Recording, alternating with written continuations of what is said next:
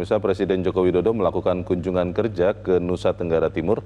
Dalam kunjungannya Presiden mengecek ketersediaan beras di gudang Bulog Catu Cermin dan membagikan bantuan pangan cadangan beras kepada keluarga penerima manfaat. Dalam keterangannya Presiden mengatakan bantuan pangan itu telah disalurkan pemerintah sejak bulan April 2023. Nantinya bantuan akan dilanjutkan hingga bulan Maret 2024. Presiden juga menyampaikan bantuan lain dari pemerintah berupa bantuan langsung tunai atau BLT untuk keluarga terdampak El Nino juga akan disalurkan pada bulan November dan Desember 2023 sebesar Rp400.000. Mengakhiri kunjungannya, Presiden juga mengingatkan masyarakat yang belum terdaftar dalam program Keluarga Harapan atau PKH untuk segera mendaftarkan diri ke kelurahan atau desa setempat.